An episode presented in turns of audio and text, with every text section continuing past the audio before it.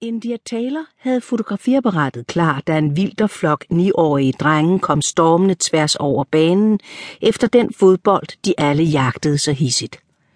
Fire af dem endte i en sammenfiltret bunke på jorden, og hun vidste, at et eller andet sted midt i det hele lå Sam, hendes søn, men hun kunne ikke lige se ham, da hun knipsede en uendelig række billeder. Hun havde lovet at tage fotos af holdet, sådan som hun plejede at gøre, og hun nød at være der at se dem spille på denne lune maj eftermiddag i Westport. Hun fulgte altid med sine børn til fodbold, til baseball, svømning, ballet eller tennis.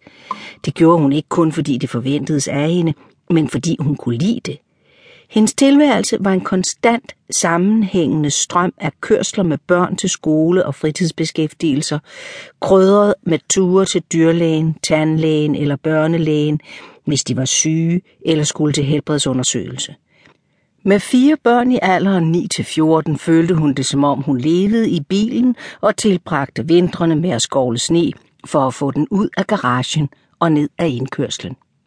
India Taylor elskede sine børn, sin tilværelse, sin mand. Livet havde behandlet dem godt, og selvom det her ikke var, hvad hun i sin tid havde forventet af det, synes hun, at det passede hende bedre, end hun havde regnet med.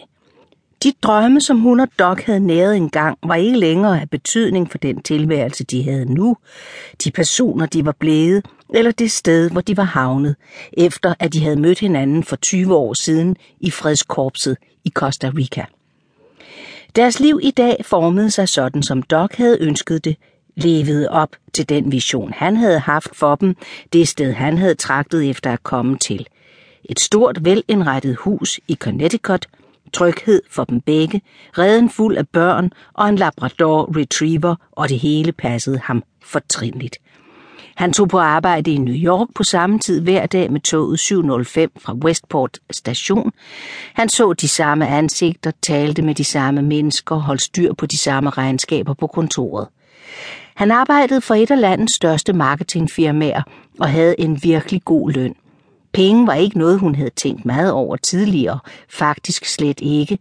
Hun havde været lige så lykkelig dengang, da hun gravede vandingsgrøfter og boede i telt i Nicaragua, Peru og Costa Rica. Hun havde elsket den tid, spændingen, udfordringerne, følelsen af, at hun udrettede noget for menneskeheden, og de farlige situationer, de nu og der oplevede, synes at anspore hende. Hun var begyndt at fotografere længe inden da, allerede som teenager, hvor hun blev oplært af sin far, der var korrespondent for The New York Times.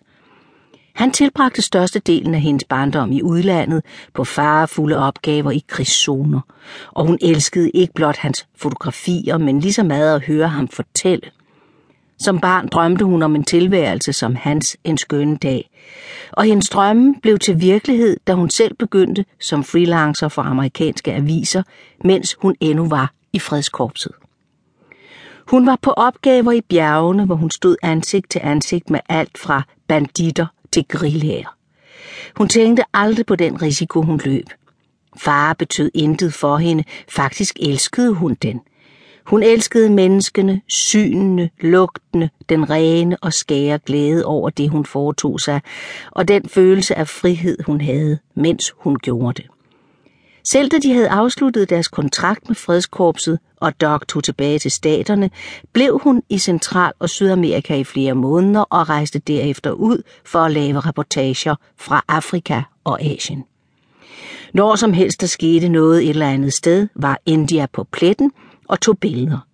Det lå i hendes sjæl, i blodet, på en helt anden måde, end det nogensinde havde ligget i Docs, for ham havde det været noget spændende at foretage sig en periode, inden han slog sig ned i det virkelige liv. For India var det selve det virkelige liv, som hun altid havde ønsket sig. Hun havde tilbragt to måneder sammen med en oprørsstyrke i Guatemala og havde taget fantastiske fotografier, som mindede om hendes fars. De havde ikke blot indbragt hende en international anerkendelse, men også adskillige priser for hendes dækning hendes indsigt og mod. Når hun senere så tilbage på den tid, blev hun klar over, at hun havde været en anden dengang. En person, som hun af og til tænkte på nu, mens hun spurgte sig selv, hvad der var sket med hende. Hvor var den kvinde blevet af, den utæmmede?